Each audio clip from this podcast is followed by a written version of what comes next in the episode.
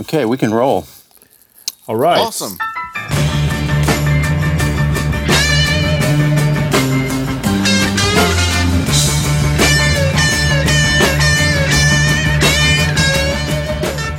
So uh, before we start, we want to say thank you to our Patreon followers and our coffee and coffee mug buyers. Thank you for supporting us. Today we have the big pleasure to welcome Tim Pierce. Yeah. Thank you, guys. It's my pleasure. How's it going? It's going It's so well. good to we have uh, you. we're doing okay here. We're we're much happier in the, the U.S. now than we were. Um, Yeah, things have changed. In, Yes. Things have changed in a very nice way here. So Yes, my, my girlfriend is American, so I, I hear you. it was it was, we all agree. it was bad. I- yeah. So That's awesome. uh, is it cold in LA right now as well, or? No, it it is actually for LA. The thing about Los Angeles is you lose your tolerance for cold. So even when it gets into the 50s, Yeah, It, it so it's a it's but it's clear, sunny and windy right now, kind of crisp. The LA winter is what I love the most. I mean, that's Yeah. that's why Yeah, I I'll thi- stay I, here. I, I think I've seen on the news that the rest of US is having a very cold period right now, Yeah. like we have in Sweden as well. So yeah. Yeah. Yeah. that's why I'm asking. Yeah, Texas and like Tennessee, they're like having snow and stuff. It's Yeah. Like, Yeah. And Texas really Far really out. bad. Yeah. yeah. Mm. So great to have you on the show. Uh, Yes. Guitar Geeks is all about gear and stuff, and guitar and guitar and guitar. And uh, you know who could be better than than Tim Pierce to have on this show? We're really thankful for you to taking the time to to talk to us. Um, so we're just gonna dive right in. I Right, mean, Yeah. Great. you are you are a, a legend when it comes to guitars. Uh, that that's for sure. But when did it all kick off for you? Uh, when when did you feel like now I'm, now I'm, I can do this now? You know this this is my my thing. Your calling. Or Well, certainly there's there's one level at age 12 when you start and it's it's a big Yeah. dream. By 15 I was No, really it only took me a couple of years to actually get enough facility to actually join a band. So by 14 I was you know just completely obsessed with it to the exclusion of everything else. And then I was in Albuquerque, New Mexico, which is a beautiful place, but there was no chance of a musical career there. So once I finished, you know, kind of playing in, in bar bands there, I um, I moved to LA at age 21, and Okay. that that was 1980, so the end of 79. And the thing about Los Angeles at that moment in time, Mhm. I wouldn't have said it then, but looking back, it was actually a very nurturing and open and wonderful place to be a musician because you could really enter the music business at every level. And All so right. my skills were not great as a rhythm player. I was a pretty good lead player at that point. But I actually learned to a lot of my skills on the job doing gigs in LA when I first got here. You couldn't do that now. I mean, it's it's just No. it's not that easy. And I wouldn't have thought it was easy then, but looking back, it was actually very provincial in some ways. It was actually welcoming, nurturing. It- There were just there were gigs you could do, sessions, demo sessions. Eh, So Yeah. there were lots of ways to work your way in and work your way up. And by after a couple of years, I got three really big gigs. I, I got a, a John Waite record in New York that Neil Giraldo produced, and that was really great. I met John Bon Jovi and played on his first single at that moment too, Yeah. just by luck. Runaway. And then I also got Rick Springfield's gig after that and toured with Rick for four or five years after that. Uh, and then I did another thing with Jonathan Cain and his wife from Journey. I, that, that was a, a big thing for me too, although that didn't really uh, make that much of an impact in, in, in the world. But it, so really at 21, I came to LA and I, I, I did a lot of gigs for two years. And then all this stuff happened all at once. Yeah. And I was off to the races with uh, Rick Springfield touring and doing records, and Oh, I had done awesome. John Waite. So That's awesome. Do, that- do you play on the yeah? the sorry. uh uh? Now I, I can't remember the, what's the name the the biggest John Waite song. What's it called? that's missing you, and that was not me. But I, the, I, That's I arguably did his best record, which is called Ignition. And All there's a there's a I have to song on it called out then. Change. That's a really great song. Change. Oh, Cool. cool. So, do you remember what kind of weapons you brought to LA for the first time when you got there? You know, Yeah, it was really, really uh, pretty amazing because I was really into my BC Rich guitar, and but they were Oh. really at that moment they were high quality boutique guitars. Mhm. you know, it, they were really, really like a, a, a fantastic, you know, alternative to a Les Paul. Yeah. And Which model? I had a, I had a first I had a seagull and then I had a mockingbird, uh, Mhm. and I think I also had an eagle for a little while. But I also had a very amazing fifty watt Marshall that I really loved, and basically those were my electric. That was my electric rig. And then when I moved here, a, a, a colleague of mine said you have to get a Stratocaster, uh, you know, because he recommended me for a gig. He said you can't do it with that guitar. So I got a Yeah. Schecter Stratocaster. I went down to the Schecter factory Ah, nice. in 1980 cool. and got a, a Schecter Stratocaster. Mhm. And that was my first Strat. And then, believe me, I'll, I'll leave you space to talk, but I'll, I'll just say a couple more things. no, no. I Keep it going. it was so exciting because that was the era of Valley Arts guitar. So on Oh, Ventura yeah. Boulevard. So I would drive down from the house I rented, which was right up the road from there.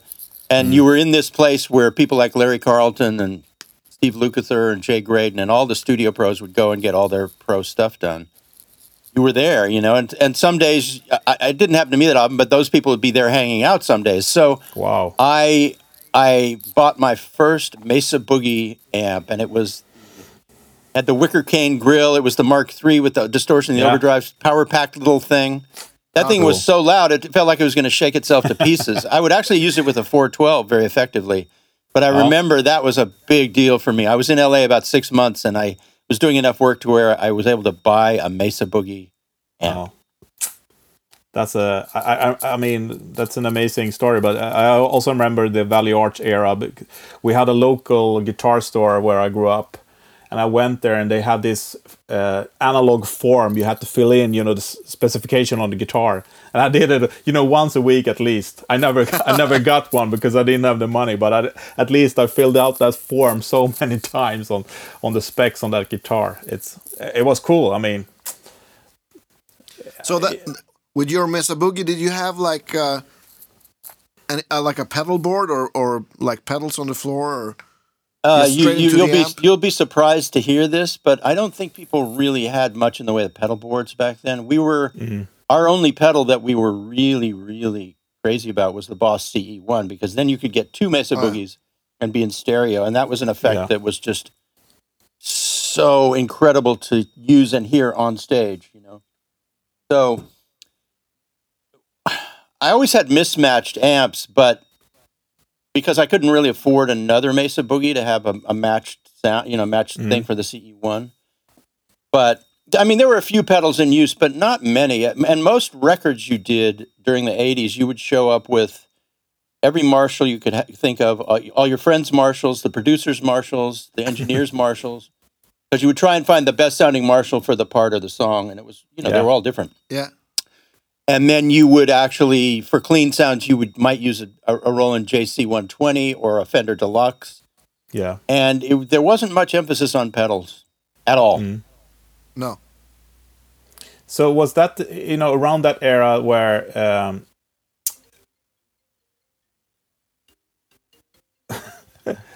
this is Bradshaw calling?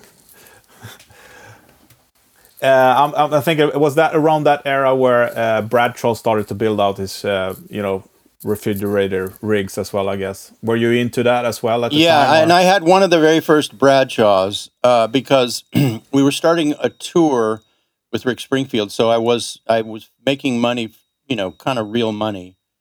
And I went down to Bob's house and had him build me one. He had a house in Santa Monica that he was doing these things out of, and it was very Mhm. basic. It was kind of meet chest size, and I could only afford a couple of rack pieces. I think it was a PCM 42, a DB 160X, uh, his interface, and Mm. that's almost about it. it hardly had any stuff in it, but it was Yeah. at least the beginning of that. And I took that on the road, um, and that that began like a 15 year escalation in racks. And by the Yeah. fi- the time I, ha- I f- I was done with my rack, I had the best rack in the world. I wish I hadn't parted it out because it'd be fun to to look at. My rack got so good Mm. uh, I mean, this is a long conversation, so I'll try and shorten it. But my last rack was as tall as I was. It had Mhm. all the Eventide stuff in it, but it also had Yeah. three preamps. I had a Bogner Fish, a Soldano Ah. preamp, and the Bradshaw preamp. So I could choose between three different preamps. All had multi-channel, you know, stuff Yeah. in them, and that was amazing. Now the thing that happened after that is guys like Michael Thompson and Mike Landau started bringing their own mic pre's, and that was Yeah. that was Yeah. the, the the pinnacle of rack sound because then you were using all the effects just like they were supposed to be used, Yeah. which is just you know you basically had one channel of a console and they were going through the effects, and then mm-hmm. you Yeah. the engineer you would give the engineer two XLRs, so you could take your Vox AC30, just plug into it and the mm-hmm. microphone would be going to your rack, and then you would manage the effects with your pedal board, but you'd still have the sound of the AC30. Perfect. You Yeah, know? Yeah. yeah. You weren't simulating So- anything. the the Great. Original dry wet or true stereo, whatever you True want to call stereo. It. It's like Yeah. you had your own recording console uh, Yeah. with on a pedal, you know, attached to a pedal board. Mm. Yeah, yeah, yeah. But yeah, those early Bradshaw rigs was amazing. I had the opportunity to buy uh, Scott Henderson's first uh, Bradshaw rig, and it sounded so good. And it's all vintage. I, I remember I brought it to uh, w- Göran Elmqvist. We call him the Swedish Bradshaw, and he said, "You know, this is all vintage stuff here. It's so cool."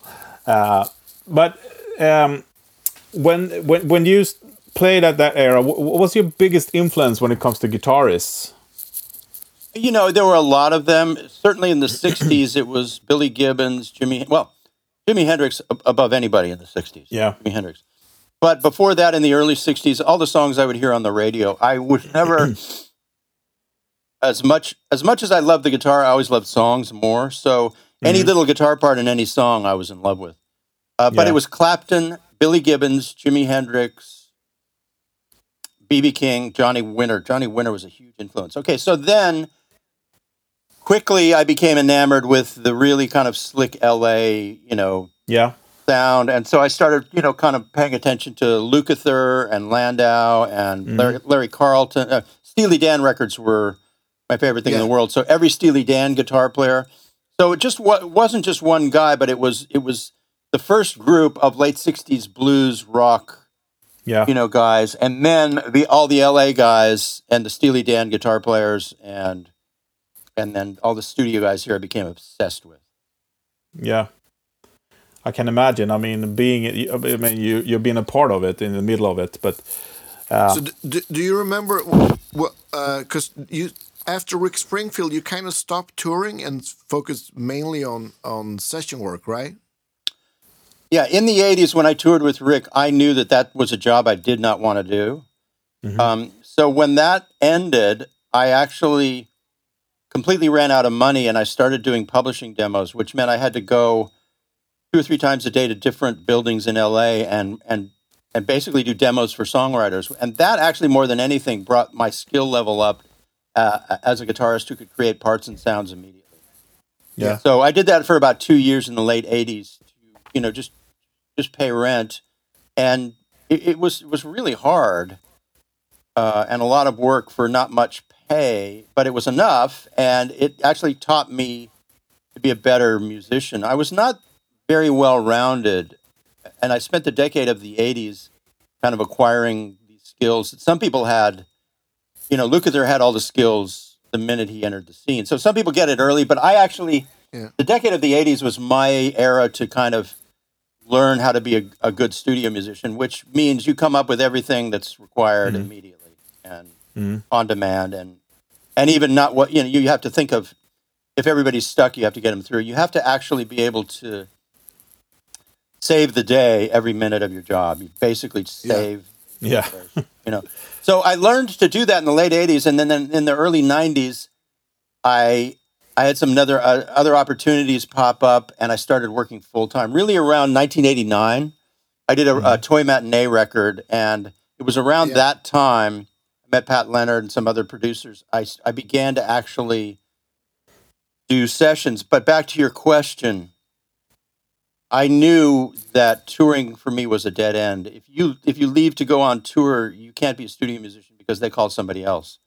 Yeah, And when you miss one of those calls, I just I didn't want to miss a single call. So there were tours I turned down that were very high paying just to stay home and make less money and build opportunities. It's just it's a Yeah. thing, you know, it's studio you have to be available.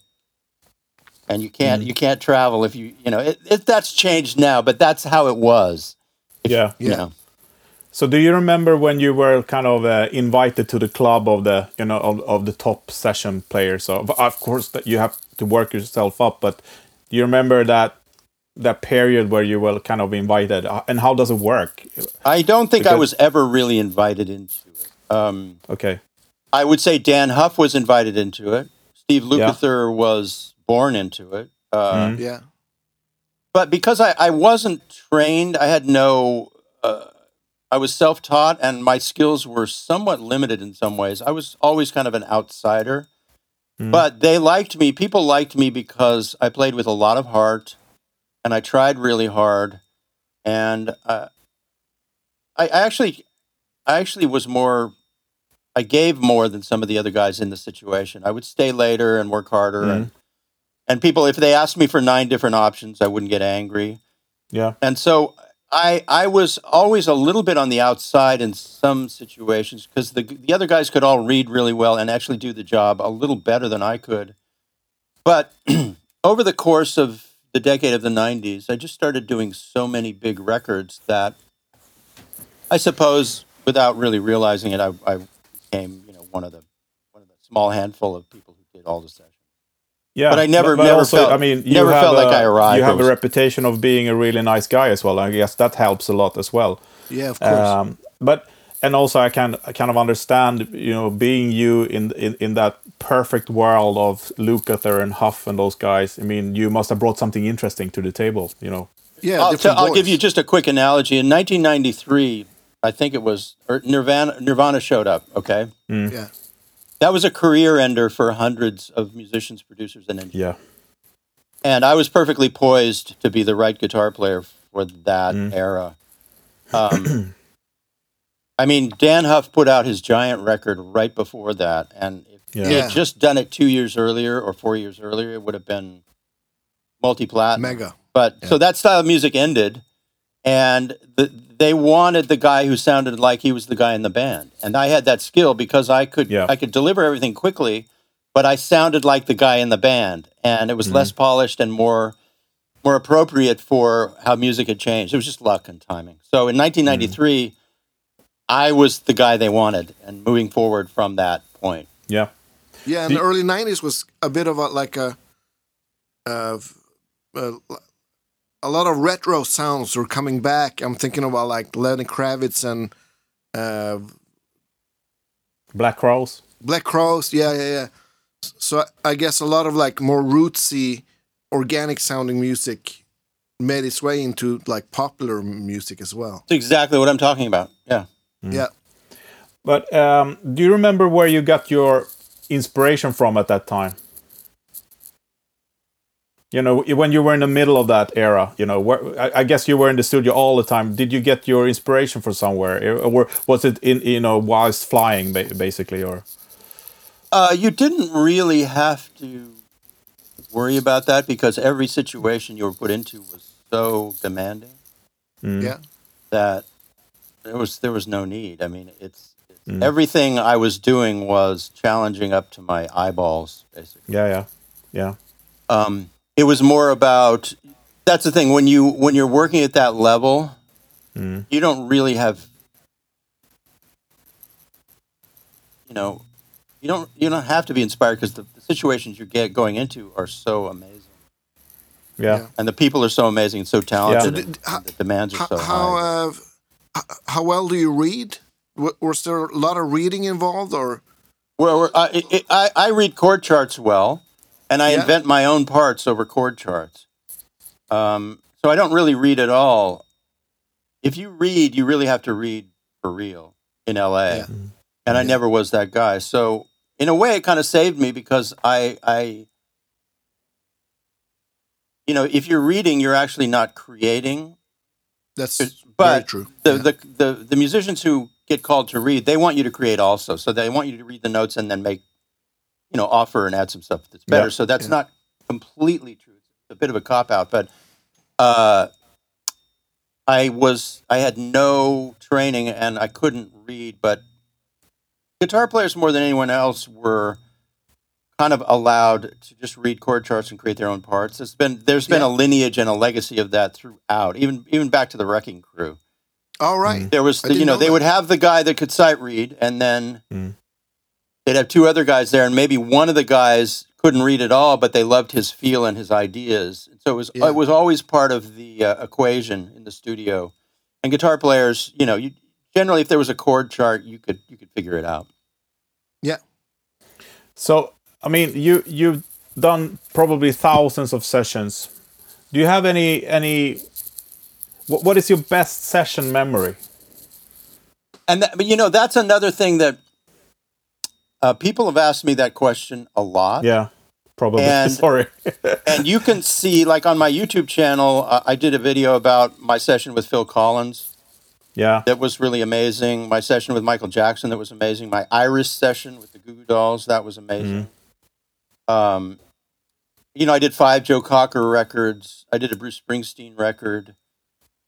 There's no, there was really no best session. Um, No.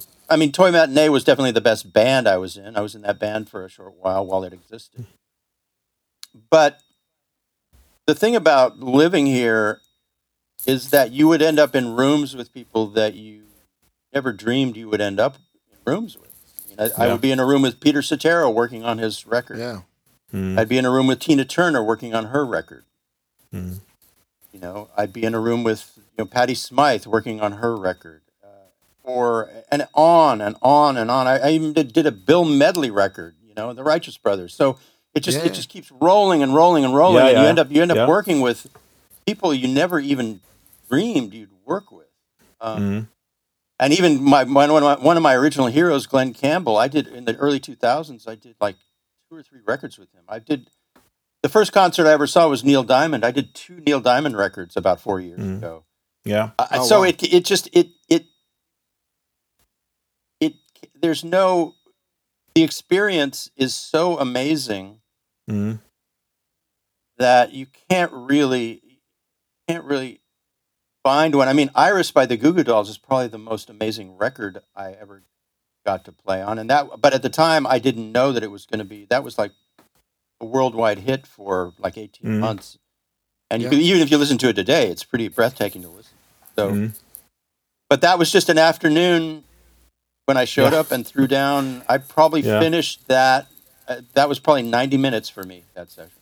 Yeah. Okay. But it did it that that was my first session with Rob Cavallo, and he was he's been my best um, advocate and most loyal uh, you know producer who hired me for the next twenty years. That led to twenty years of, of recording with yeah. Mm. Rob Cavallo, so that was amazing. Yeah, but if if you have to pick one, I mean this is super hard, of course, but let's let's try. If you want to, if you can pick one re- recording session or recording or or uh, record or whatever that defined you as a guitarist, as a guitar That's player. you're, you're thinking about this. You're thinking about it wrong. That's Yeah. The, the job is the opposite of that. Of that. If you yeah, do yeah, yeah. the job, but, but if you're- could decide, if you if you need to pick one and then go, uh, you know, No, no, it's it's You if you're can't. Stevie Ray Vaughan, Yeah. they don't call you for a session, and you you have an amazing, recognizable style. But if you're Tim That's Pierce true. or Mike Landau or whatever, you give up all that because you do everything. So you can't. Mm. Yeah. You know, I, I, it's not to. I've just. I've been asked this question a lot, and I can I Mm. can tell you that it doesn't. Your job is to not be that. Your job is to be Yeah, yeah. Coldplay one day, to be you know. You know, true, that's true. Yeah, uh, Katy Perry the next day, you know, whatever. Yeah. You, your job is to be, you know, everything. yeah, yeah, Yeah. So is Yeah. there a, a, a In other words, your job is to have, have no defined, is to not be defined. yeah I got it. Yeah, yeah? But I, I do you do you do you re, do you think that you have a, a of of course you do like a, a, a is there's like a, a Tim Pierce sound? I probably do, and you would probably hear it every, the first 60 seconds of every YouTube video I do. That's my mm-hmm. artist career. Yeah, mm-hmm. Yeah, I mean, Paul Reed Smith keeps telling me, you know, you got to do another record, you got to do another record, but there's no reason because it wouldn't do anything in the marketplace and would just steal a bunch of my time. Hmm. If there's a Tim Pierce sound, all you have to do is go look at YouTube videos, and it's really the Yeah. first 60 seconds of every YouTube video. And the thing about that, this is another way where I need to to reorient people's thinking. The thing about that is that so when I do that performance, between 40 to 400,000 people see it. Okay. yeah, So it's bigger than a solo record. It's bigger than a concert. Yeah. Bigger Oh, than yeah. a festival. Yeah. So that performance that I do at the beginning of each YouTube video is a huge concert that tens, if not hundreds of thousands of people see. That's Yeah. my artist career. That's my solo career. That's my sound. So Yeah. Yeah. if anybody that's listening to this wants to hear who I am and what I do as an Mm-hmm. artist, the first minute of every YouTube. Yeah, and we strongly recommend to visit it, and we will link it Oh, to yeah, uh, yeah. on our Facebook page and, and Instagram and that stuff. Uh, so that was actually a, a good uh, segue into the next question about YouTube. So how how, how did how did you become this YouTube player? Uh, I, I, I, I found out about some people 12 years ago who were doing it Mhm. on a very big business level. And I got, much like, you know, when I was 12 and discovered the guitar, I got very inspired by what the next chapter of my life would be if I did this. Mhm. Yeah. Because the music business has, has over time collapsed and become a much smaller thing with really no money at the front end. So it's hard for musicians to, you know, it's there's there's just not much money for cr- the creation side of music these days. You know, and, and there used to be a lot more. So True. I knew that 12 years ago. You know, it, it, this started happening in the early 2000s. Yeah. So when I realized this was something that could be a real business and a big business, I went after it. So I essentially did a double shift for the last 12 years. I ba- I I- I don't have to anymore because I built a new business. But for a decade, uh, I did a double shift doing sessions and doing this business. And the the great thing about it, it's like a solo record or it's a product rather than a service. So the money comes when I'm sleeping, and Yeah. it Yeah. and I don't have to work more to make more money. It just has to more people have to buy the membership. So rather than being in the hot seat and and performing for people on an hourly or daily basis, this I can make something that's permanent that people either choose to buy or not. Yeah. And so it's a great business. I have four employees. Uh, it's Oh wow. it's you know it's uh, it's a big business. Yeah. Um, but That's I modeled it after some people who were doing it on a very big level that I discovered 12 years ago. Uh, Mhm. So what it is is the YouTube vi- videos and the YouTube channel. That's the free content to get people to take the free trial in the online masterclass. So Yeah. yeah. everybody who sees a video sees me go click below for the free trial in the online masterclass. Mm-hmm. So I get people who come in, and, and a lot of people take that trial and don't stay, and that's fine. That's why I created it. But the ones who do stay, some of them stay forever, and I have people joining all Yeah. the time. So it's a great That's business. great. Yeah. Yeah. A- a- And did you have a team helping you with the YouTube stuff from the beginning, or did you build that over time? Or Uh, it's it's a it's a very slow thing. Everybody who does it, it takes a couple of years to even get started. So Yeah. I had one. I had a film editor initially. I've always had a film editor, and about five years ago, I uh, I brought a film editor on full time. So one of my one of my employees is a full time film editor. okay, that's good. Yeah, that takes Yeah, 'cause- time. It takes a yeah, lot of time. Yeah, m- move, m- moving picture takes a lot more time editing than audio. So, how, how do you go about recording this? Do you like bulk record, or do you do like uh, Mondays and Tuesdays is create Uh, you know, or- I envy I envy people who can do that, but my life, it's literally uh, a few hours a day, seven days a week. What I do. yeah, I, I, I envy people who can just, in a machine like way, throw it down. But the thing that people don't see about this is that you make a YouTube video. Some of the things I do on a YouTube video, I have to reshoot multiple times because they're just not good enough. So, so if, if on Monday I start making a video, sometimes by Thursday, it's still not a good video. And I have to reshoot certain parts of it. So you never know what it's going to take to get it's just like when you write a song you don't know how long Yeah. it's going to take to get it done it might take you a day it might take you eight months you know you Yeah. to satisfy what you're doing as an artist and make it something you're proud of that people can see Yeah. so it's pretty out of control i mean i just do the best i can and uh, I, it's it's and then the the music thing comes back i still do sessions i only take the ones i want now and so I'll get a call to do something, and that'll cost me a couple of days from the business. So it's it's just it's Yeah. it's kind of catch as catch can, and boy, I envy people who can just in a you know Just Yeah. do one long hard day and get it all done, but can't do that. Yeah. So we were we were talking a little bit before uh, you came on uh, about how how different is it to record uh, guitar on tracks today than it was you know when you started. I mean, considering it being more machines and more synthesizers and stuff like that, and it comes to temperament and stuff like that. Do you see a difference in in making music today? Uh, you know, when it comes to you uh, and your craft, sort of. Of course, it's far easier. Uh, there's so many ways to get good sounds. You know, you could, Mhm. you could have an aux or a Kemper and not have Yeah. real cabinets. You but I'm talking today, more about the timing of playing with others, you know, like other instruments and. I mean, it's a different to play to a Wurlitzer than a synthesizer and and stuff like that when it comes to. Nope. You don't feel that, no. So you, you just adapt to the timings and and and, and, and tunings and all that stuff.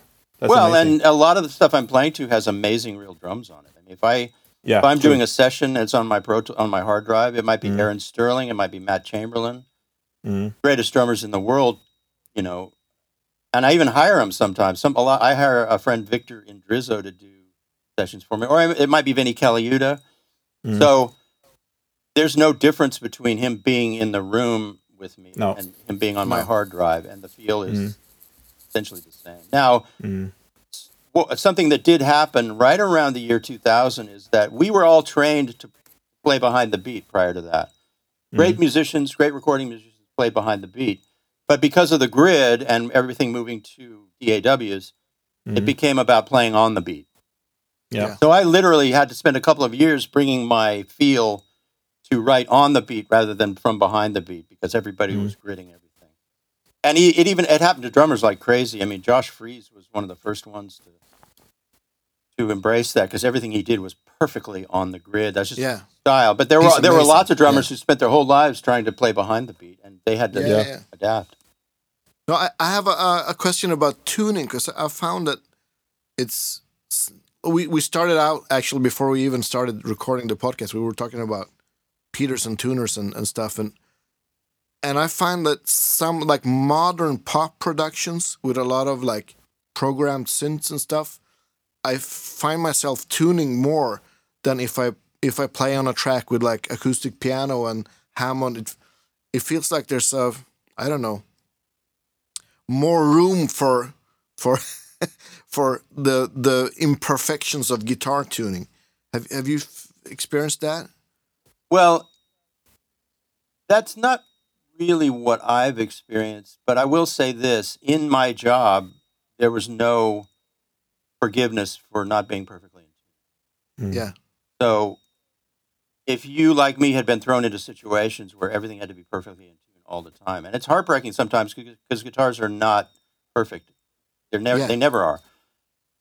So, I always find found the opposite to be true. If there were a lot of keyboards, it was much easier to lace my part in within a, a particular range of pitchiness because everything Alright. around it was, you know, kind of protecting it. The, the hardest thing, these guitar records like the Foo Fighters, where everything is guitars, Mhm. Yeah. sometimes you have to punch one chord at a time because everything, it's naked, has to be perfectly in tune. Or like a Green Day record, Yeah. records, you know, that were 100% guitar can't be out of tune at all. I don't discount what you're going through, and I'm sure it's totally true. But I'll, I will say this certain guitars that I love, I wouldn't use in a session because they're just hard, too hard to keep in tune. Yeah. Yeah. A lot of Gibson guitars, that G string going out of tune all the time, I just, Mm. I would switch to a PRS or a boutique guitar because I don't have time to go ring ring ring the whole time. Yeah. So I I actually find it's easier to lay in guitars when there is a track build up with keyboards. Mhm. Um, not negating your experience. I just am being totally honest. Yeah, yeah, yeah. Yeah. Um, Super interesting. That's why I'm asking. but but the thing is, I will say this: if you were put in my situation where you're around people that you have to deliver everything to, you know, hour after hour, day by day, minute by minute, and you're not allowed to ever be out of tune, you develop a, a pretty crazy sense about it. yeah. you know, and and, I and mean, it, it's not it, yeah. it's it's heartbreaking at times. I even talked to Tom Book about back about this the other day. He talked about how heartbreaking it is to have people. He's sitting there doing acoustic guitar, and the, on the talkback they go, "Hey, bro, that part sounds a little out of tune." He's going, "I can't make this thing." Yeah. Yeah. It's never in tune. You know, the, the the B string, It's the, the guitar, third, yeah. is never in Mm. tune. You just have to, you know, it's it's it's it's Yeah. really hard. Have Have you ever tried a True Temperament necks? Oh, oh yeah, yeah. It's the same thing though. It's when you're when you're fitting into other people's music and Yeah, true. other yeah. people's parts, you're still dealing with. with Mm. I haven't heard. So anything. another thing I wanted to ask you about, uh, you know, since you've been around so long doing sessions, is that, you know, um, if you're working with young producers, uh, when you when we talk about references, guitar sounds, you know, because you hear terms like, you know, blackface Fender, Plexi Marshall, and stuff like that, and, and a lot of the young people never even heard those amps. So how do you work with uh, when how did they describe reference sounds and stuff like that? Is it from other records or how does it work Well, yeah, it is from other records. The thing, the great thing about this era is that you don't have to have the 68 Deluxe Reverb because they just want a sound, and it's Yeah. much easier for you to use whatever you've got to give them that sound than to actually buy Mm-hmm. Yeah. that thing and carry it into the studio. That's what we had to Mm-hmm. do. We had to own all of the cool guitars. You know, an old Jag. Yeah. You know, they go, "Do you have an old Jaguar?" You got to say yes. You know, so you got to have that. yeah These days, it's just they they they might play you a sound that they like on a record, and Mm. it's easy to imitate that sound with whatever you got. So it's much Yeah. better now, much better. so do you do you find that those uh situation marks uh, old references are gone like you know i want this ac30 sound i want this plexi sound or are they still around those terms With the old studio? with older older practitioners, they are, yeah yeah. yeah but not with young people. No. No, I, I think that's great, and we we we've talked about it as well on other podcasts about, you know, uh, the the vintage, uh, the vintage hysteria of guitars and stuff like that. That it's now it's more like cool again to have like custom made guitars and Yeah. you know, Yeah, uh, nobody. It's it's great. I love it. I actually like it Yeah. better because that was really pretentious to actually have to, you know, be playing a cool guitar through a cool amp to get a cool Yeah. sound. I always, you know, I hated that. yeah. No, it's, uh, yeah, yeah, I can understand because you have, as you said, you have to carry all that stuff, and it's, you know, why not bring a PRS that can do it all? You know, Exactly. stuff like, yeah. Uh, but talking about that, uh, Yeah, I've, On- I've sorry. Can yeah. I, I, how about, do you? When did you start doing recordings from home? Like, I was actually one of the your- first in LA, uh, and it was right around the year 2000. You know, um, I had an ADAT rig at home, and then I went to Pro Tools, and I did it before a lot of the guitar players. I mean, keyboard players always had their rigs at home. They had 24 track analog machines. LA was full of home studios with full blown out, you know, everything. But as a guitarist, I think Michael Thompson was probably the first guy to do it, and I I followed him, and then and then eventually everybody else did it, but I was one of the first. But the first, I think, was Michael Thompson. mm, Yeah. What was your first setup? Do you remember? It was ADATs, you know. Um, Yeah. Yeah, and and then whatever amps I had, I actually made this versions of this from the beginning. You know, basically the Yeah, cockpit, okay. the airplane cockpit. Basically, I, I Yeah. did that from the very beginning. So so, uh, uh, that was actually one of the questions I had. It was if it was planned or if it just happened. this control room of yours. Well, I always really, really had.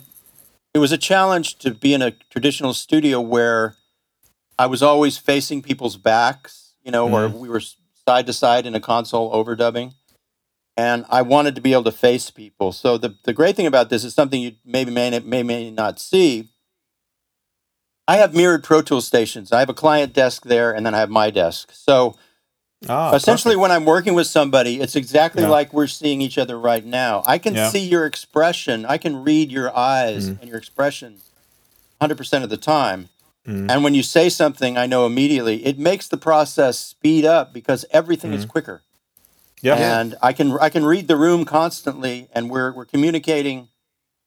I can run the machine if if I'm a little quicker at it than the guy sitting at the client desk, Mm-hmm. or I can let them run it, and it, it's it's worked great. It, it's great for me.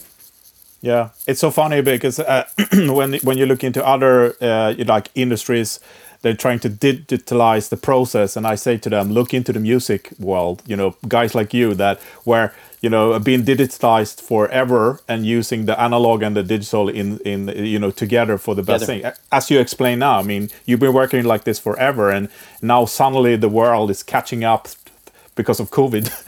now we all work like this more or less, no? So you're way ahead of your time. Well, and and the thing is, I don't do that many sessions anymore because the web business is such it's it's a better business for me. Yeah. So I say no all the time to session work, and I take I take the sessions that I feel are really important and really, you know, it's like family and friends at this point, and then just Yep. really really important ones Mhm. because the web business is just a better thing moving forward. So that's the real adaptation and the real change. Because Oh, after yeah. doing this for forty years, it's better for me mostly not to do it. Yeah. Yeah. Yeah. Yeah. Every time uh, uh, it's a product of its time, right? Exactly. There's a, there's a season to everything. Yes. Yeah. And you know, talking about stuff. I mean, this is Guitar Geeks podcast. Uh, you have an arsenal of, of awesome amps. And uh, the other uh, two episodes uh, ago, we had uh, Phil Jamison from uh, Matchless on the show, and we talked about your amp, the Clubman. Can you tell us about it? Because that's an early one, right? Well, the, yeah, it's an early one, and the, this is a life changing thing because mm-hmm. I spent years buying Voxes, try and get the Holy Grail AC30 sound. Yeah. Yeah. And what you would do is you'd you'd find the the Vox, and you'd buy it, and then you realized it was a B minus sounding Vox. Mm. Sell it, and you find another one, and you play it, and it was like B plus. I finally did get kind of an A uh, A minus Vox, and I gave it back to David Friedman. I bought it from him a long time ago, and I, I actually just gave it back to him. But uh, the the thing about the matchless is that I'm a firm believer that nobody should have to chase a sound, some holy grail sound that's from an amp that you can't get that's 40 years old, Yeah. Yeah. Yeah. Yeah. expensive. I feel like everybody should have access to it. Yeah, so Because- why is that? Everything that sounds good is always hard to get. Why is that? Well, it's not not what uh, what I'm leading to. It's not anymore. I mean, that, no, that I know, was- I know, but the old stuff. Yeah, you know, yeah, yeah. So Yeah. so the companies like Matchless and and now it's it's full force. I mean, even pickups, new pickups are better than old pickups. I believe. Yeah, I br- Yeah. put Yeah. brand new pickups in vintage guitars, and it, it totally saves the day. Mm-hmm. Anyway, the matchless. That was I got my first Clubman, and it was Mark Sampson. It was the early days. Mm-hmm. It was incredible. I went to the factory, I got it, and it was the sound I'd been searching for. So I didn't have Yeah. to buy these bad Voxes over and over and over Mm-hmm. because Voxes were made with whatever parts were available at any given time. yeah, So you never know what's inside a Vox, Mm. and so they're all they're all different, and they're, they're not very reliable. I mean, so that kind of a thing is life changing. Matchless was a life changing moment. Yeah. Absolutely. Cool. So then I have it. I have it, Mm-hmm. and I can I can record with this sound and put it on records, and I don't have to Yeah. you know. And it will sound the same every day. Yeah. That's amazing. But also, you you you're very uh, famous for your Naylor SD uh, 60 as well, right? That was something So- that I used like 100% of the no- uh, time in the 90s. Yeah, Um, great clean sound, great dirty sound, uh, and good in between sounds. After after the Naylor, I ended up with the divided by 13 RSA 23. So Ah, the yeah, Naylors are yeah, somewhat. they're- I don't use them as much anymore because most Mm-hmm. of what I do, I gravitate towards the divided by 13 RSA Mm-hmm. 23. Uh, and then I use this Park 45 100 a lot too, yeah, uh, which is great. It's just like a Plexi Marshall, big, big, loud, very clean. Is that EL34s in that one or KT66 or what? what- what kind of- KT66s, yeah. KT66, yeah. You get that Yeah. oomph, the real oomph in that sound, Yeah, yeah. yeah. But then also, I mean, you did this signature pedal with Rockett, right? Yeah. Which kind of is Yeah. based on your Naylor sound in a bit, in yeah, a way, it's right? a wonderful thing they did. I really loved that pedal. Absolutely. yeah. So do you that have? Yeah, sorry. Do you have any other signature? Uh, we talked about, you know, is there a Tim Pierce signature guitar out there we don't know about? Uh, you know, I wouldn't pursue that. Um, No. There's a lot that goes into it Yeah. that it's almost like putting on a um, pair of handcuffs. Mm. yeah, I mean, there's a lot that goes into it that is not what I would desire. Um, and the other thing is, is that you can't make. I've always been smart about uh, doing business that where you, you actually make real money for your work. And I, I want to say that as modestly as possible. But the the royalty on a guitar Mm. uh, is just by its nature not that big, and what you have to do represent that guitar is big. It's a lot of work, and then Yeah. there's a relationship with a company whereby you pick up another guitar just because you feel like it. There's Mhm. always there are always hurt feelings and always an Mhm. issue. yeah, yeah. It's a you pay a big price for doing that. Now Mm. maybe I'm really sensitive about that. I will say that for Zach Myers from Shinedown, his Mm. uh, his signature guitar that's made in Korea Yeah. is phenomenal. That's a great thing. Yeah.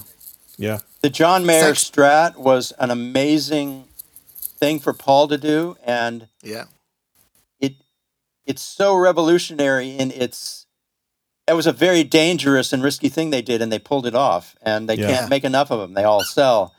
So that was a great. So there are there are things that happen that are great Yeah. when people do signature guitars, but I I look at business differently. I would rather be in a business where I made 100% of the income rather than a Yeah. a little piece of a guitar that I have to work super hard to promote and then I'm chained to and that Yeah, people are yeah, going to get their he- feelings hurt about when I pick up something else. There's a lot of Yeah, you yeah, know, yeah. there's a lot to it. Um, Yeah. Here's the thing: I- new players, all the new guys, they have to do this signature guitar because that's part of their income stream.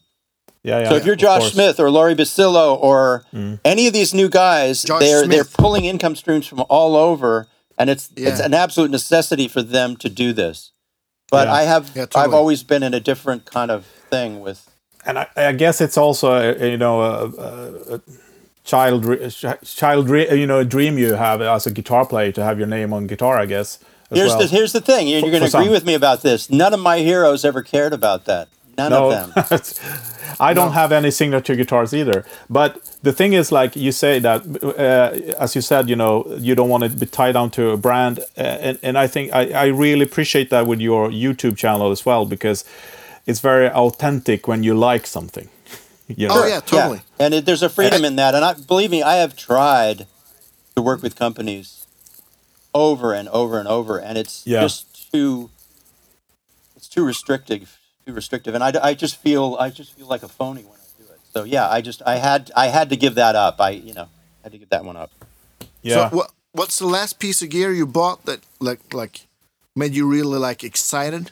A pedal or Well, the, guitar the, the thing, Universal Audio sent me three pedals that I really love. And there's a video about that. My last video is mm-hmm. about that. So I don't need to talk about it. It's all there. And then mm-hmm. the real thing I'm enjoying now is Floyd Rose makes a guitar that is an amazing hot rod guitar.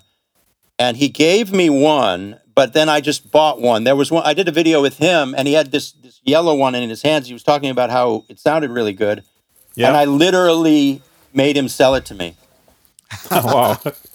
And so that I just paid for that yesterday. So I have this this Floyd Rose. They're incredible. They have a speed plate that helps me pick. So I feel like a mm-hmm. kid again with that.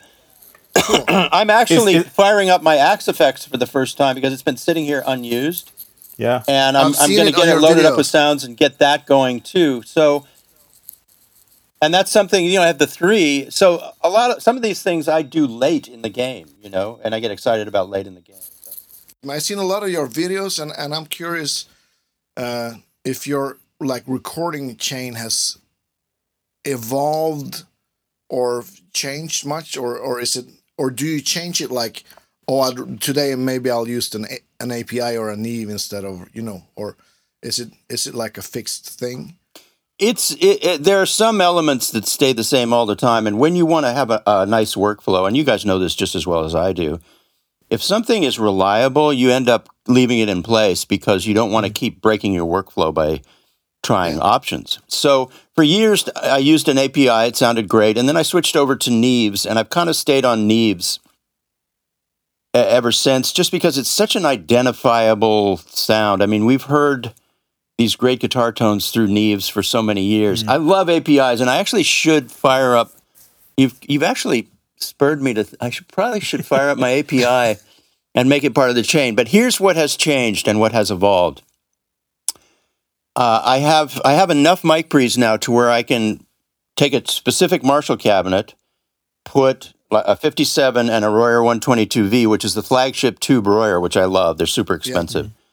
I can put that in front of one Marshall cabinet, put it through two Neves, and see how that sounds. And then I can do it that same chain and duplicate it, which is, you know, Neves Royer 122V, SM57, in front of another Marshall cabinet that's very different. So I have now finally two Holy Grail Marshall cabinets. One mm, has Okay. these 60 watt Celestions. That's it was from around 1978. They only made them for two years, which are highly Okay. coveted by producers. They're really hi-fi Celestions. So I mm-hmm. have mics in front of that cabinet, and then I flip a switch, and all the amps go to another cabinet that has the the the Holy Grail uh, mid 60s 25 watt Celestions, which is also an amazing sound, but much Classic. less low. It's Yeah, yeah. you know they break up much quicker, and it's a real pleasure to switch between those two cabinets. So if I'm using an amp and I flip the switch, it goes to a new cabinet, new microphones, new mic pre's. And so all that's set up now, and it just requires some extra spending, and you know it's, you- what you do over the mm-hmm. years. You don't do it all at once, No. but and then I have another cabinet. I have a box with the Holy Grail Vox speakers in it that I just got too, and now I have to mic that one up with a whole nother chain. So the chains are all set up now. It, of course, it would be much easier just to have a patch bay and switch, and use the same you know that same microphones. But it's it's it's so convenient just to have everything open and up and running. Hope Yeah. that makes sense. So for the for the Vox, do you use the, is this, is it a Royer and a SM57 for the Vox as well? Yeah, I would rely on that. I have a pair of 122Vs, which are their flagship tube ribbon mics, which have just a little more magic to them. I mean, it's just it's a, an amazing thing when you listen to one. But I also have something that uh, it's pretty impossible to get now. That there's this this mic called a C800, Sony C800. That it's not Right. the C800G with the big heat sink on it, but it's this other mic. It's kind of their modern C37, and they made it in the 90s and then discontinued it. And an engineer friend of mine who records Green Day and a bunch of other people, he he championed this microphone. I ended up getting two of them, and those function also as good blenders with the 57. But I will say this: if you have an SM57 and any kind of a large diaphragm microphone to blend it with, you'll be fine. You just need something to add to it that that will you know the 57 is like the mid-range fist and you want the large condenser to be the the, the pillow around the fist. So you get all this top and mm-hmm. bottom and sweet stuff. So Yeah. if you use them together it really works great. Now the world mm-hmm. is going in a different direction though. Everybody is moving to direct modeling you know capturing stuff. So it's it's getting more and more rare to actually use real microphones and real amps mm. So when you record, are you delivering both, or just, or just? Don't get me wrong. Are you delivering a direct signal as well? No. Uh, What I do is I blend the mics through a. Sh- um, it's a Chandler line mixer, so that's that's the other trick about doing this. You ba- basically have to recreate a console somehow, and there are l- tons of line mixers out there now. They're usually breakout boxes for mixers, but I mean Neve has one. Lots of people have them. You have to spend a little more money so you can blend the mic pre's into a line mixer and then take that straight into Pro Tools. So when I'm blending two microphones, they go to one channel straight to Pro Oh, Tools. so, so it's a mono channel, so you don't give anybody the option to have more. Yeah, and, and better than that, I don't give myself the options. it's Yeah, better. I know. it's better if you blend blend them. You know, it, it really is. If you just people, and you, you'll find as you when you actually work with people who are busy, they don't want options. They want No. They don't have time for anything. So you've got to kind of just give them something they can use and install and move on. You know, people, busy Yeah. people have no time for options. Yeah. You know, So, so I'm- curious. Have you compared uh, the the 122V to the 122 or the 121? I have a, I have a, I actually have two 122s myself, and I love them. But I've never even tried the V. yeah, you d don't don't try it because you'll love it. Okay, thank you. Expensive love. it's just a little bit of extra smooth, buttery top end. I mean, it's it's yeah, you, it's it's crazy, but without. well, I mean, it's, it, in the ske- general scheme of things, you know, it's like you know, I'll say that about a microphone, but people get great sounds out of their Kemper profilers. So it's it's all you know Oh, how it yeah. It's all just apples and oranges at this point. Yeah. Just tools. And and the 57s that you're using are they like uh, old ones or can you use any? I think you can use any 57. Okay, yeah.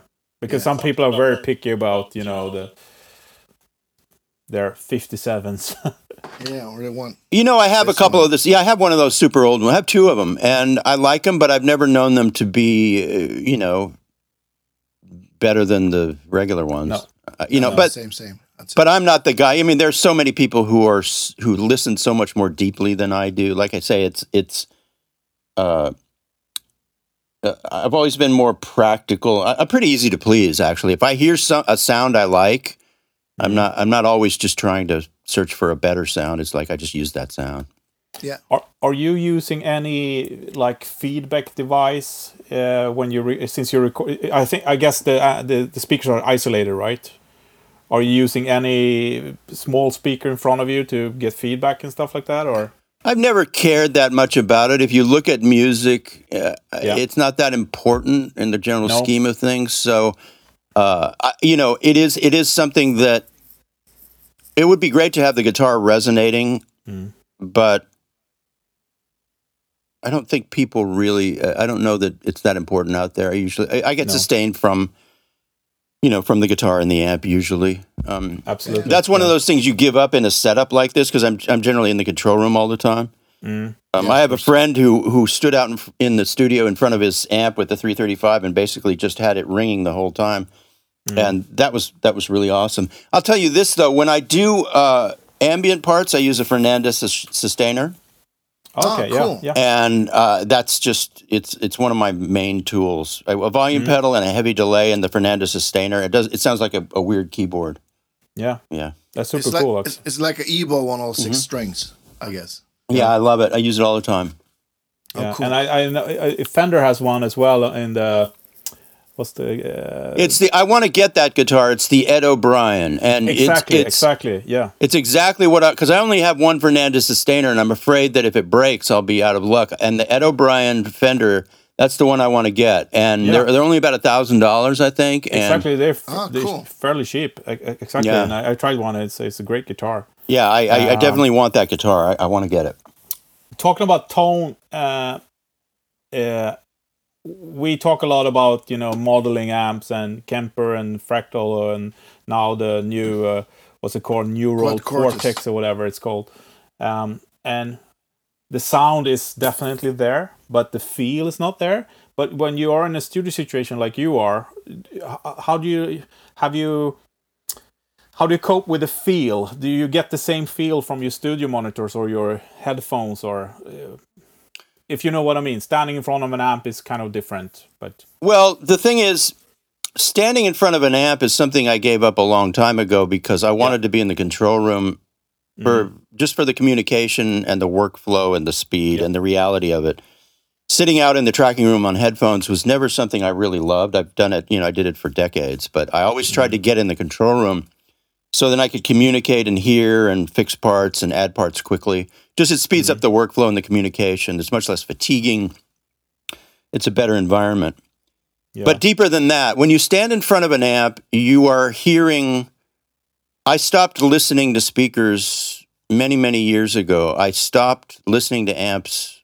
You know, I would never go to a guitar show and listen to an amp because in the recording world, the sound you're hearing is always through a microphone. And Yeah. so all Yeah, that That's true. Stuff that you're getting, either feeling in your body mm-hmm. is useless because the real tone, like I'll even say it in a more cynical fashion, the real tone gets squeezed through something the size of a quarter, which is the SM57. So unless you're facing that reality mm-hmm. and getting a tone that works through this cheap little microphone the size of a quarter, you're fooling yourself. Yeah. It's it's all hype. It's it's it's a meaningless thing. Now, Mm. b- because all I was ever interested in is in is, is recording. Mm. The sound of the amp has to be good through this SM57, Yeah. and the sound you, you, get. have so much experience and, and such a trained ear, can you hear uh, if you if you try an amplifier, you know, without microphones? Can you like pr- No. imagine the sound? No, you No. can't. Okay. That's what I'm saying. It's like the minute you Yeah. turn it up and you feel it in your chest, you're getting fooled. And I'm no, I'm this, that's a cynical. Yeah, I'm sure there are guitar players who can, you know, Mm. but I mean, you can hear when an amp sounds bad. But any Fender amp, you turn it up and in front of it, it's going to sound great. That Fender amp through a microphone might sound a little uh, uh, mushy on the bottom end. It might sound Yeah, yeah. harsh on the top end. So it, that's mm-hmm. at least for me the true test has always been through a microphone. So I don't even bother listening to amps when I'm in front of them. Mm-hmm. Now, that being said, it's a pretty harsh thing to take this glorious sound you're in front of and put it through something the size of a quarter. Yeah. But Yeah. once you once you face up to that and mm-hmm. work with it, then you can kind of bring it back. You know, I wouldn't say that uh, it- an ACDC record is lacking in guitar tone, but it's the same thing. Those Marshalls were put through microphones, and th- th- Yeah, yeah, so then you And it's, it's kind of fun that you say that as well because I mean, uh, at least my taste, I, I used to say that I like amps that are a little bit more produced, a little little bit less bandwidth, and maybe you know more of the sound that you get from a microphone. Even if you you know, like a matchless amplifier, we talked about that the last time. uh, They are more produced in the sound. They're more you know focused and kind Sure. of um, yeah focused. M- more mixed ready. Already. Yeah, exactly, exactly. But it's kind of funny how, how you can train your ear because I, I used to watch uh, the that pedal show a lot, and and and I think the sound that they have on the show, sorry uh, Mike and Dan, is not the best sound to me, but I've I've seen it so much, so I've learned how the pedals sound in reality when I go and try it, you know. so I can hear on the show I I'm gonna like that pedal because I hear the sound, even if I don't like the sound, I know you know. Kind of Well, yeah, the that ear th- to that's the same thing I'm talking about. If you hear something you like in that environment, which you know is not ideal for you, then Yeah. you know it's going to sound even better when you get it in your hands. That's exactly Yeah, what I'm true, talking yeah. about. Yeah. exactly. Yeah. But those, uh, I was kind of curious about those uh, um, Celestion 60s, uh, 60 watt speakers. I've never heard of them. What what what kind of speakers are? Is it a version of the 65s or? I, I just know that uh, a couple of producer friends told me about Rick Beato actually told me about him. Uh, yeah. and I, I I got the cabinet and it's very it's wonderful. It's very hi-fi, and it's this speaker. It's a 60 watt Celestion that they made. I think only for two years, maybe four years, from 78 mm-hmm. to 82, maybe. And it's it's it's more hi-fi. It breaks up later, and you know, so it's cool. it's Yeah. cleaner and bigger sounding. By the same token, it's not as warm sounding, so you might not want to use it all the time. So that's all I really know about them. I mean, Yeah, yeah. The thing So about what- those speakers which is amps do you particularly do you pair with that the that one? I like my Park 45 100. You know, uh, generally a loud Plexi Marshall or a Park 45 100, Yeah. which are very clean, high gain. You know, they're not high gain, they're clean, high fidelity amps. You know, like a Plexi Marshall, I have a couple of 67s, and they're not dirty amps, they're clean amps. And those amps sound great through. I mean, they break Yeah. up a little bit, but they're very Yeah. loud and very, very clean. Have you experien uh, experimented with uh, EVM, EV speakers? Anything? I used to use them exclusively in the 80s, and we got great Oh. sounds out of them. I tried them again in the early 2000s, and I couldn't make them work. They were just too hi fi. Yeah. Oh, yeah, They're too yeah, yeah. efficient. They're just too efficient. But in the 80s, somehow we made them sound amazing. You know, I, I don't know how we Mm-hmm. yeah, did I that. like them a lot, especially if you if you have a dumble style, if I may say so, Mm. amp. I think you know uh, the the EV ML200 is really good option for. for yeah, that was that was the studio guitars speaker in the '80s. Everybody had the Yeah. EVM 12Ls, including me. But also, I also know in the 80s that Marshall had McKinsey speakers Mm. in some of the cabs. They're also a little bit more hi-fi. Super cool. I really like them a lot. Uh, because I, I I like when it's a tight uh, bass response in, in, in the speaker. And I know also that 20 waters, that the ones that Van Halen used to use in the beginning, and then he later on had in his signature, they they are I think the perfect mix between the the G12H, the 30 watts, and the 25 watts. Because That's they're what- less efficient, but they are still punching the bass. Uh, that's what I need to get next is a, a, a Marshall 412 with 20 waters. That's going to be they're Yes. crazy expensive, I'm sure. Yeah, but they're really good. It's worth So, it. uh, I I have more microphone questions. Sure. I can't help myself. Uh, do you like uh, 421s? Sure, as a blender, not not not Yeah. alone, but yeah, as a, as an added microphone, that would be a great alternative to a more expensive, you know, blending mic, secondary mic. Yeah, yeah.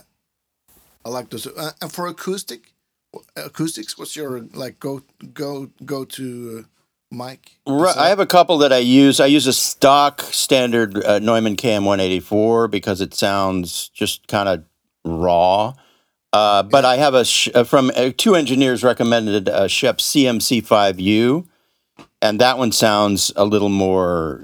Uh, I'll use the word buttery again because it does. Uh, It's a it's a mic that's out of production. No, maybe they they make a version of it now, but this one two really you know acclaimed engineer producers recommended this mic to me, and so I, I got one, and uh, that's that's actually what I'm talking through right now because it's just sitting here. Oh, cool. I I had a C12A, a vintage C12A that I used for a while, but it's a little more open and big. And you know, when you're playing acoustic in a track, you really want it to kind of shrink and be focused. And these these little, well, you can see it it's right here. Yeah, yeah.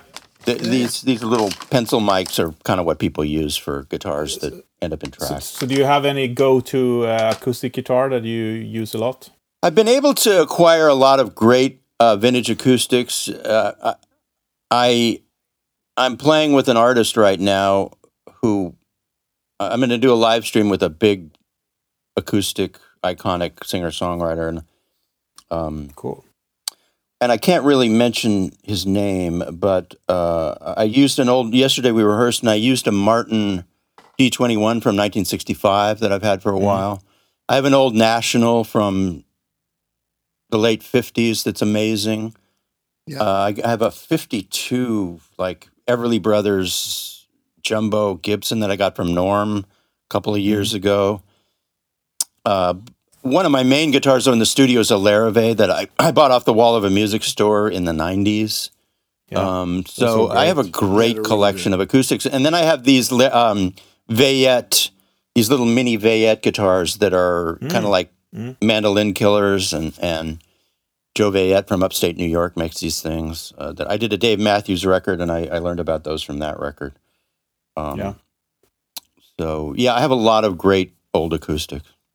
Yeah. So I know in in your videos you you often talk about um, you know vintage instrument you that you like kind of the play grade instruments.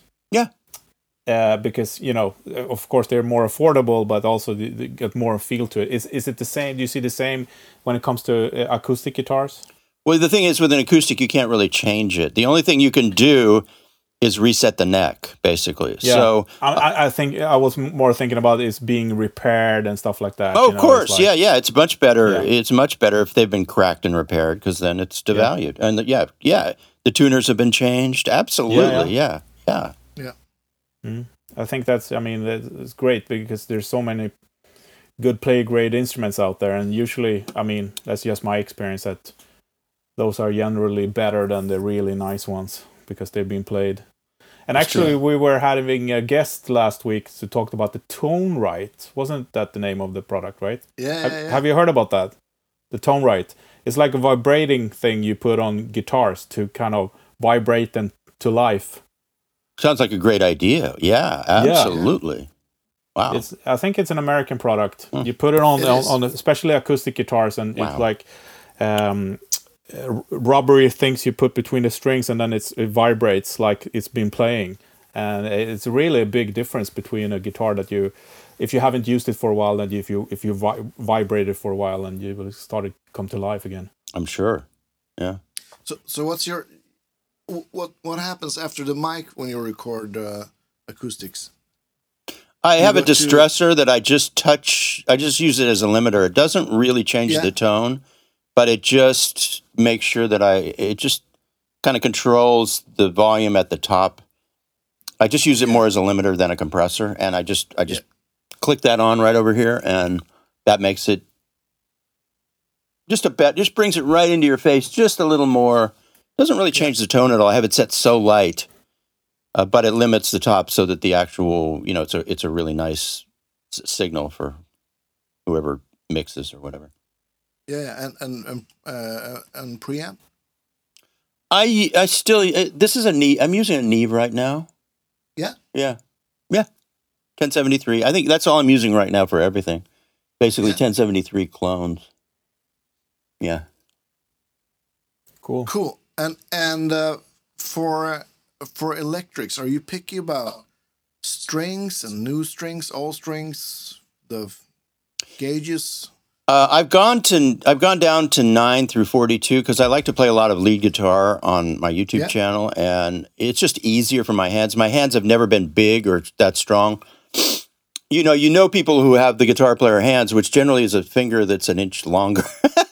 Yeah. Mine have always been a little on the small Gilbert. side, so I've gone. You know, as a kid, I used nine through forty-two, and then throughout my recording career, I went to ten through forty-six because so much stability and and great for rhythm Yeah. and stuff like that.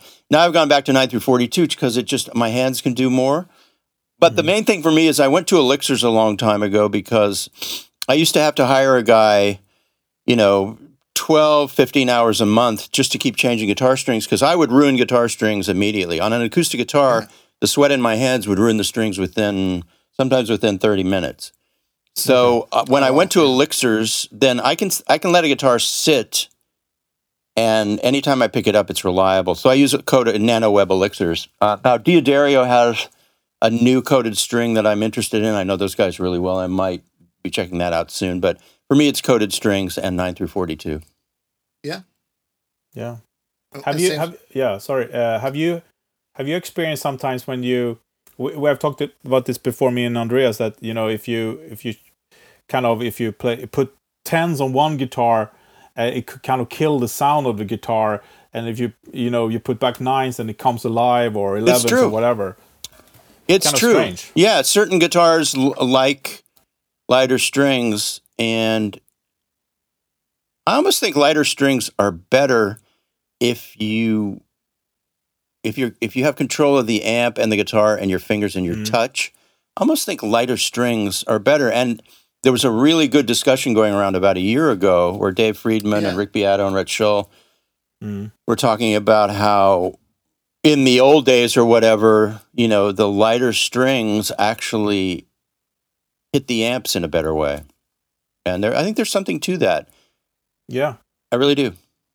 I, I think I, I saw a Dweezil Zappa interview the other day and uh, he said that Frank was using uh, sevens And and uh, Billy Gibbons too. You can't you, you I mean Billy Gibbons tone, you can't argue with his tone on those No, early records. hev- So heavy I don't know if he was using sevens back then, but yeah he was probably using eights. that's- if if not amazing. sevens, he was using Yeah. eights, you know. Yeah, talking about Billy and and recording and stuff like that. Are you are is, are you using small combo amps sometimes when you record it, or is it mainly the setup you just talk talked us through, or are you using any small amps?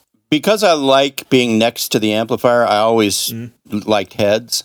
Yeah, So I don't use many small combo amps. That's actually a deficit because I should, because there really is a wonderful tone that comes from it. I hear it now, but I just, you know, I, I was just, for the sake of practicality, yeah, I was always using a 412 or a 112. And I would kind of convince myself that the 112 had the same sound as a small combo amp, which it really doesn't. You know, I mean, yeah. what you're talking about is that that little amp, you know, that's self-contained, and if you mic it up, you know, in a loving way, let's say, you can Yeah. hear, you can really hear that Mm. it's a small combo amp. And a lot of the Yeah. greatest sounds on the records we love have been that, you know? Yeah, Yeah. I mean, some um, a lot of people praise this, you know, eight or tens Yeah.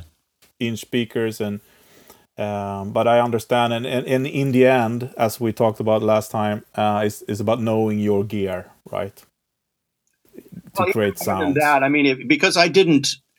I, I my job was to to create parts for songwriters and composers, Mm. Singers. It's just you you have to actually deliver what you're doing immediately and without any Yeah. complications. So you tend to use what's practical. So um, we we used to end this show with uh, a, a kind of tricky question. So it's um, it's like you. What is the last guitar related thing you ever will sell? Oh, okay. Yeah, you can keep one thing. Uh, just give me a second. It, this is one of those things I will answer mm, probably not in the most honest way because there are probably seven or eight things that I would. Yeah, yeah, yeah. yeah. it tend to be that. Um, it, it, at this point, it would probably be one of my PRSs. Uh, yeah. And it would be between two PRSs, both that Paul has given me, that are unbelievably easy to play, and the tone. Mm. As long as I don't get lazy about the tone, and I, I make sure that I'm, you know, really managing the tone well. They're, they're, Was that the, the semi hollow body one? no, they're both solid bodies, actually. Okay, okay, okay. Yeah. Yeah. Um, so it would be, be between two PRSs. Uh, I don't. I mean, I have a lot of great vintage guitars, but none of them are super high dollar. Like they're mostly pl- No? guitars, Yeah, yeah. and those, uh, it's you know, it's just okay. You know, it. it Yeah. I've never been that enamored with. Yeah. Any particular guitar. So anyway, oh, that's good enough. Oh, cool. Yeah. Thank you. It's been a pleasure to have you on the show, and, and good luck with that project and, and uh, any other projects you have ahead of you.